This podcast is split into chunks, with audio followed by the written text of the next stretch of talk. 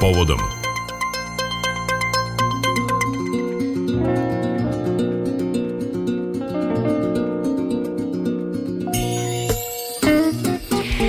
Deseti sati i 10 minuta slušate prepodnevni program Radio Novog Sada. Istigli smo do rubrike Povodom. E, inače, ovo je sedmica u kojoj se obeležava Evropska nedelja prevencije raka grlića materice ove 2023. godine.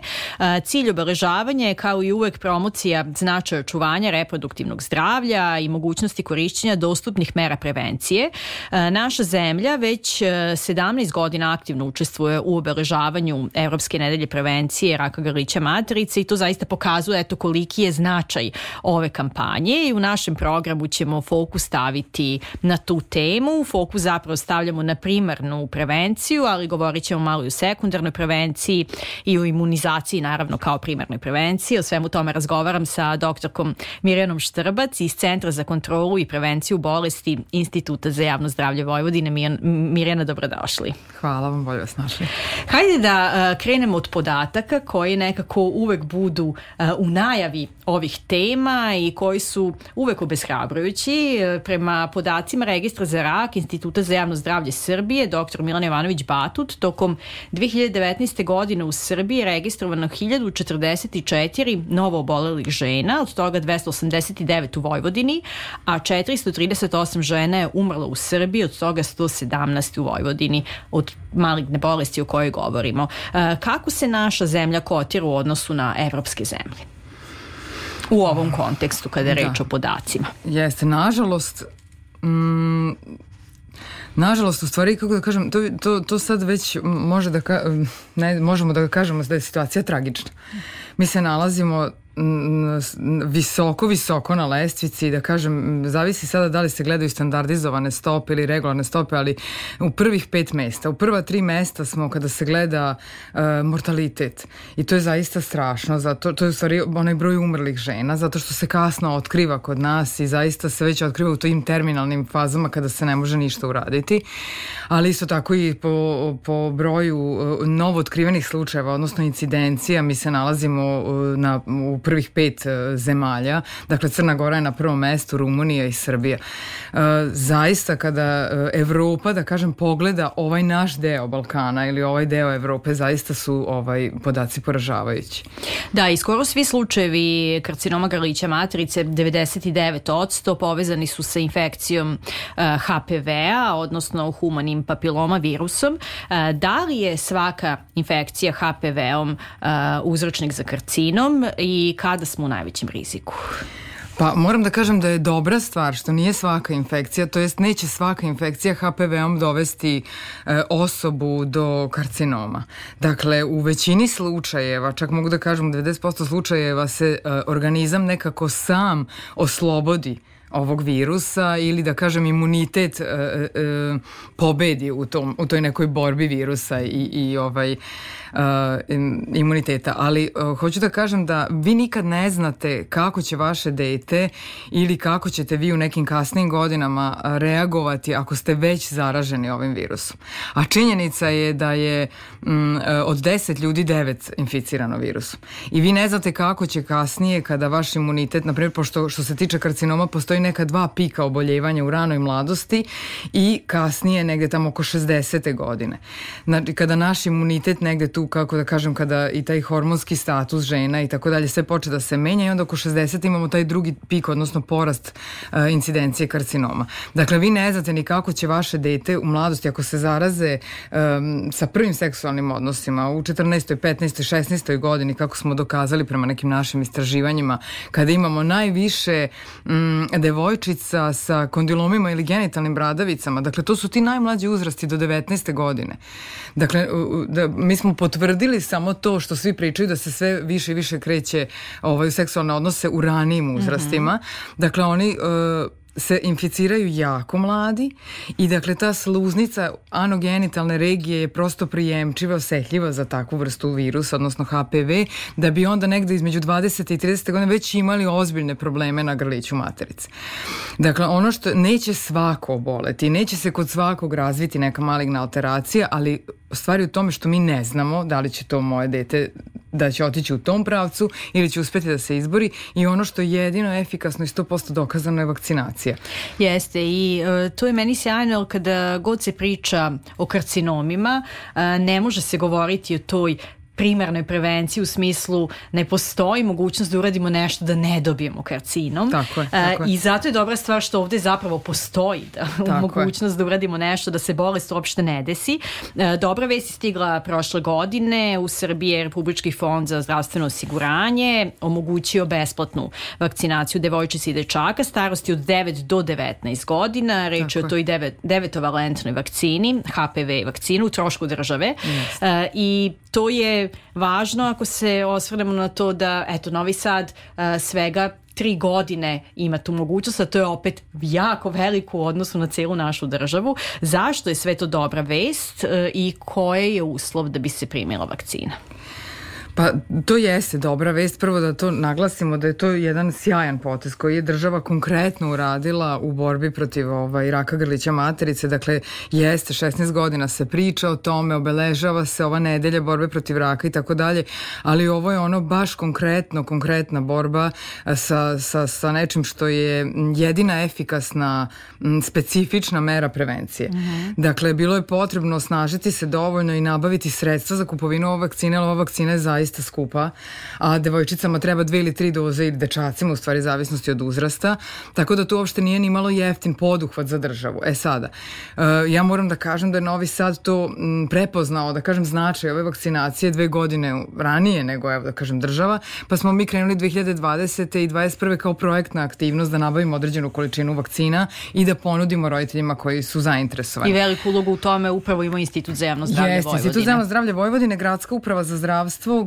Dom zdravlja Novi Sad, da kažem i ministarstvo ovaj, bez portfelja zaduženo, ministarka bez portfelja zaduženo za demografiju i populacijnu politiku, zato što moram da kažem da je projekat imao značaj ne samo za vakcinaciju, konkretno vakcinaciju, nego i podizanje svesti roditelja uopšte građani Novog Sada su se raspitivali kakva je to vakcina, zašto je to tako sad nabavljena određena količina, nema za sve, ko prvi stigne do vakcine njegova je, stvarno zaista je skupa vakcina.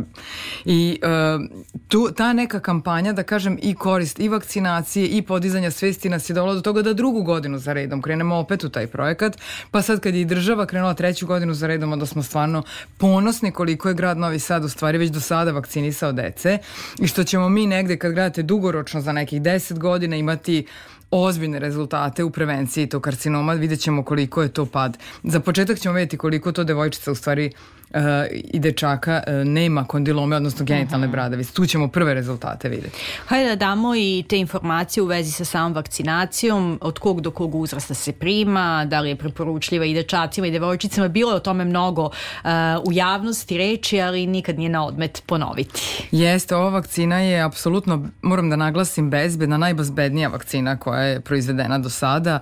Uh, daje se i devojčicama i dečacima, daje se uzrast od 9 godina, i nemojte da mislite da to što date detetu uzrast od 9-10 godina ima veze sa seksualnim odnosima. Znači mi samo, to je samo uzrast dakle, koji je uh, ispitan da će deca dovoljno stvoriti antitela, odnosno imunološki dobro odreagovati i stvoriti zaštitu. Čak deca mlađeg uzrasta i preporučuje se da se daju mlađim uzrastima mnogo bolje odgovore nego u odnosu na stariju decu, zato je njima potrebno tri doze vakcine. Uh, jednako dečaci i devojčice treba da se vakcinišu, dakle i zbog prenosa i zbog samog oboljenja i ono što ka, hoću da kažem da bi bilo najbolje kada bi mogli da postignemo takvu um, takav broj vakcinisane dece, da imamo čitave generacije mm -hmm. vakcinisane, da nema tog prenosa više HPV-a jednih između drugih. Da, uh, spomenuli ste za stariju decu tri doze ukoliko se doza prima vakcina. Jeste, starija deca od 15 godina primaju tri doze vakcine, mlađe deca primaju dve doze vakcine i to je ono što im obezbeđuje, da kažem, uh, nivo antitela koji je dovoljan da ih čuva dugi niz godina, više od 10 godina godina se održava taj imunitet da ih štiti od ovog virusa. ova vakcina se u svetu primenjuje više od 15 godina. Prve programe uvela Australija i njihovo desetogodišnje istraživanje je završeno 2015. godine. Rezultati su pokazali da kod devojaka između 12 do 14 godina koje su vakcine primile, procenat HPV-a uzrokovanih oboljenja pao je na oko 1 od 1,1 tačno. E, praktično možemo reći da je tamo e, ragarlića materice pa skoro iskorenjen. E, kod nas i dalje postoje sumnje e, u vakcinu. Ima li napretka, evo sada, bar u ove tri godine kada je to postala e, nekako više vest u medijima, kada je u Novom Sadu vakcina besplatna, da li smo ipak malo se pomerili sa te mrtve tačke kada je reč podizanju svesti? Pa ja mislim, mislim, moje skromno mišljenje je da jesmo. Sad trebalo bi raditi ozbiljne istraživanja na tu temu koliko je, su se, se podigla svest narodu, ali e, ono što ja hoću da kažem da vi iz medija, ja bih volela da što više plasirate rezultate e, zemalja koje već 15 godina primenjuju vakcinu, jer e, Svetska zdravstvena je zacrtala da do 2030. godine će eliminisati karcinom grlića matrice u određenim regionima tamo gde je postignut dovoljan obuhvat vakcinisanih. Znači, naš narod ima tu tendenciju s tim nekim dubokim uverenjima da ne veruje u, mhm. u sve to što je nekako moderna medicina i što je dokazano dobro. Međutim, ja opet govorim, um, kada gledaju te razvijene zemlje i kada bi voleli negde da se presele i kada se ugledaju na taj neki razvijeni svet, onda nekako im se tu sad uh, uverenja poljuljaju u smislu pa zašto sad ovi primenjuju tamo 15 godina vakcinu, pa onda čak imaju neke argumente tipa da možda ta vakcina nije baš ista ta što je stigla kod nas. Nekako vole da ne veruju, ne znam kako to da objasnim, ali opet građani Novog Sada su se pokazali kao stvarno edukovani i kao ljudi koji su dosta čitali o tome, bar ovi što su kod nas dolazili u institut, da kažem, mi imamo sada preko preko 1500 dece vakcinisano protiv HPV-a. To je ozbiljna jedna, da kažem, armija roditelja koja zna koje su koristi ove vakcine i koja šire to svoje znanje na komšije, prijatelje i tako dalje sugrađane, a postoje zapravo dokazi, evo ja kažem ne samo Australija, ajde ona nam je daleka, mm -hmm. ali gledajte ove skandinavske zemlje u Evropi, pa Nemačka, pa sve ti što su, gde naš narod, da kažem, gravitira teži, kada da, ja, da, da teži, zaista vakcinišu već dugi niz godina devojčice i dečake. Hajde onda da razbijemo i tu predrasudu još jednom, dakle u pitanju je ista vakcina. I ista, potpuno ista vakcina, kažem devetovalentna, najmodernija vakcina koja se primenjuje u svim bogatim zemljama sveta, apsolutno bezbedna, ispitana, ispitivana više od bilo koje vakcine, dakle pre one 2006. godine kad je, kad je to sve, da kažem, odobreno i kad je počela i dokazano, 100% dokazano da je efikasna. Nemate nikakve neželjene reakcije, deca bez problema mogu da prime vakcinu i vi apsolutno štitite svoje dete od infekcije HPV-om, jel vi ne znate da li će dete dobiti karcinom grlića materice ili karcinom laringsa ili karcinom, uh, dakle, respiratorne sluznice ili karcinom anogenitalne regije, rak debelog creva, to su sve HPV povezani karcinomi. Taj, taj virus je, dakle, takav da izaziva dugotrajne latentne infekcije i to je ono što godinama vi imate u vama, tinja ta infekcija i odjednom, ne znam šta bude okidač, ali desi se da nastane mm -hmm. karcinom. Tako da, hoću da kažem, nema apsolutno razloga da se sumnja da, da li treba da dam tu vakcinu detetu. Mislim, zašto bi rizikovali? Jeste. A sad da uh, gledamo i kakva je realnost. Uh, spomenuli ste već, eto, 2023. godina, jer mi imamo epidemiju morbila u Smederevu, eto, 15 da. Uh, slučajeva. Uh, takođe imali smo jaku kampanju protiv vakcinisanja protiv COVID-a. Uh, koliko sve te okolnosti, sada era društvenih mreža, internet, gde svako iznosi svoje mišljenje, pa te sumnje i neverovanje, kako ste vi rekli, koliko upravo to širenje lažnih vesti uh, utiče i na vakcinaciju protiv HPV-a.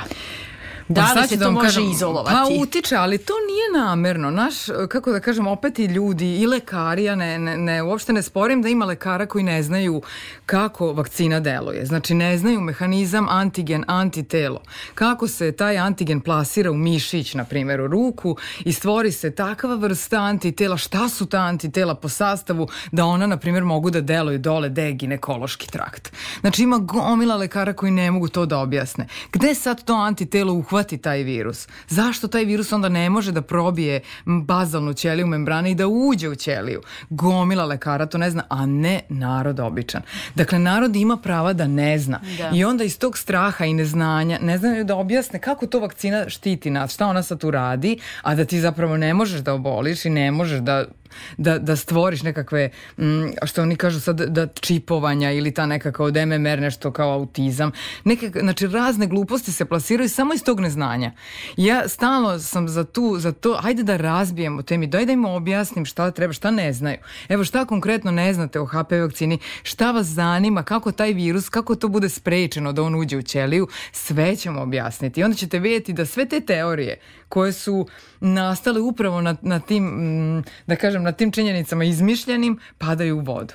Ono sve što je medicina moderna dokazala, dakle, ozbiljne, ozbiljne istraživanja i sve kako se, da kažem, na molekularnom nivou nešto ispituje, mora da se prezentuje nekako jednostavnije narodu da bi oni shvatili o čemu se radi. Upravo te zablude silne i o MMR-u i o COVID vakcinama i to je sve iz neznanja. Jer naš narod stvarno ne može da dobaci, ja kažem dotle, da može da shvati. To su ozbiljne naučne, m, naučni procesi na molekularnom nivou ne može tako, tek tako lako da se objasni kako sad ta vakcina deluje.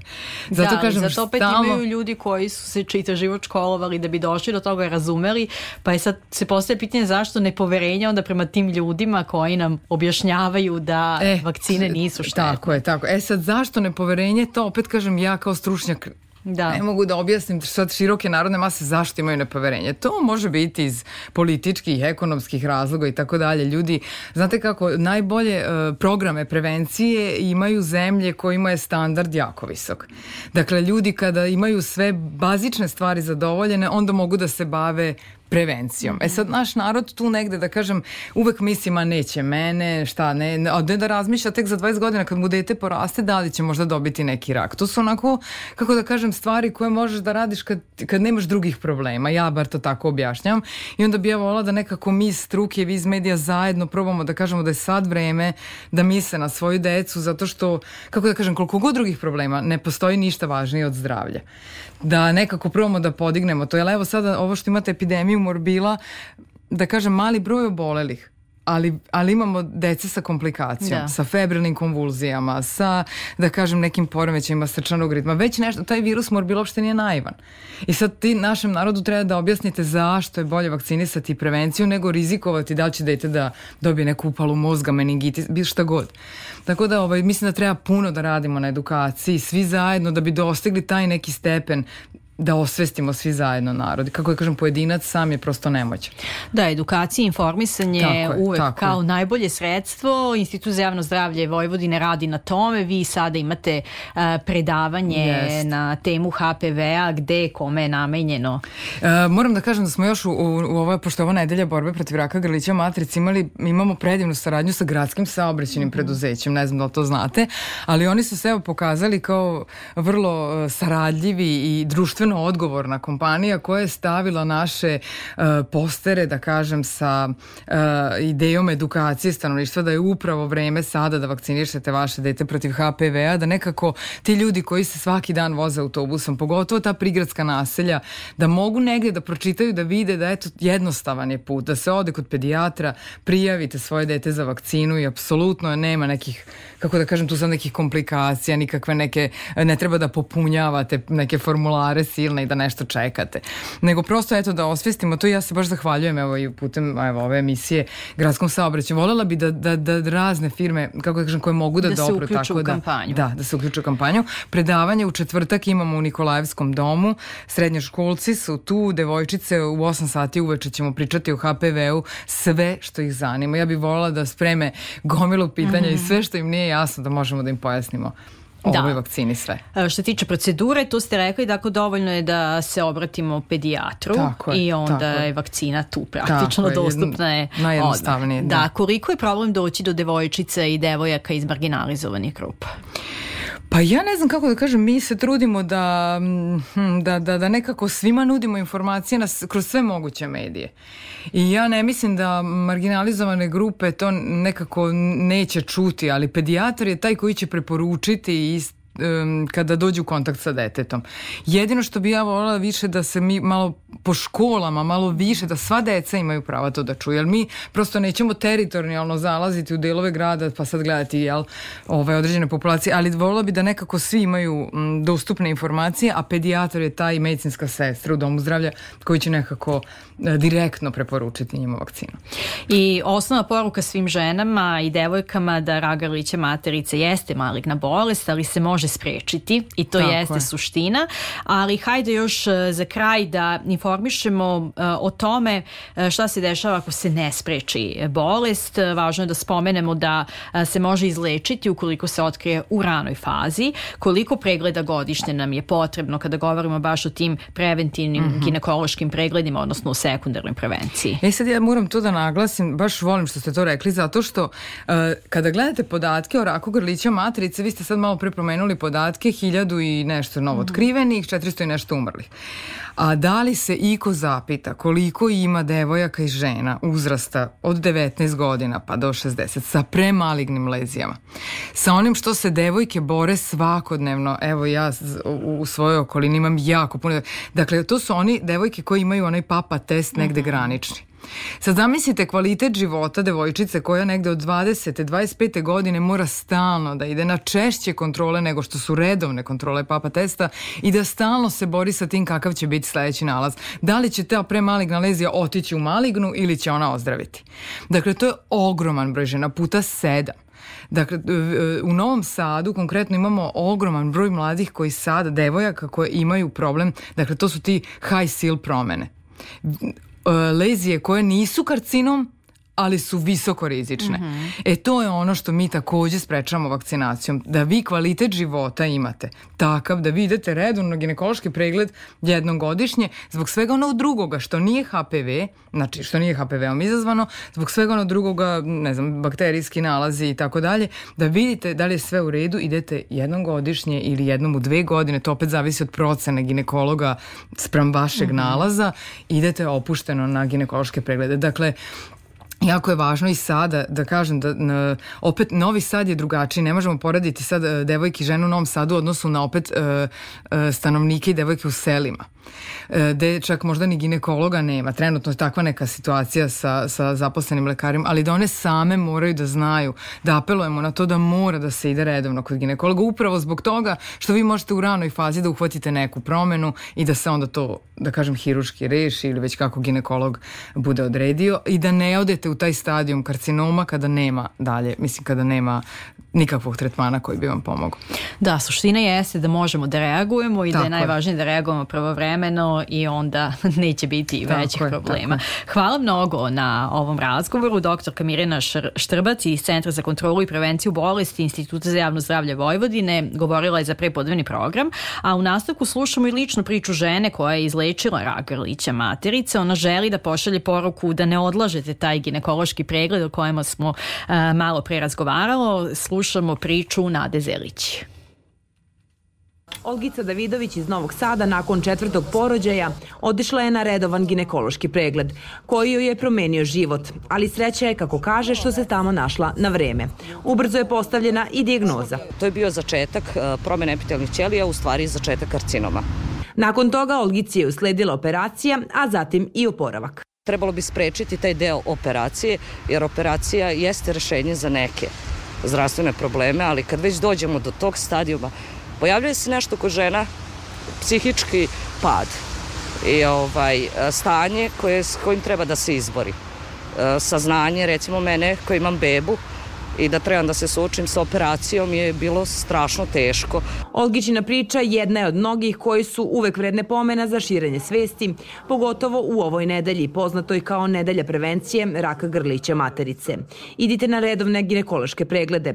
Poruka je žene koja se uspešno izborila sa tom opakom bolešću. Parola moje bake koja isto preživela ovako nešto slično jeste bila da misli na sebe jer drugi neće. Znači, da bi trajala i valjala drugima, moraš prvo da brineš o sebi. Pored preventivnih pregleda, HPV vakcina je jedno od rešenja gorućeg problema u Srbiji. Za tu namenu grad Novi Sad je treću godinu za redom obezbedio sredstva za besplatnu vakcinaciju. Svakodnevno, ali u pravom smislu reči svakodnevno se susrećemo sa patologijom koja je izazvana HPV infekcijom. Ta starosna granica se pomerla sad i na 16, 17 godina.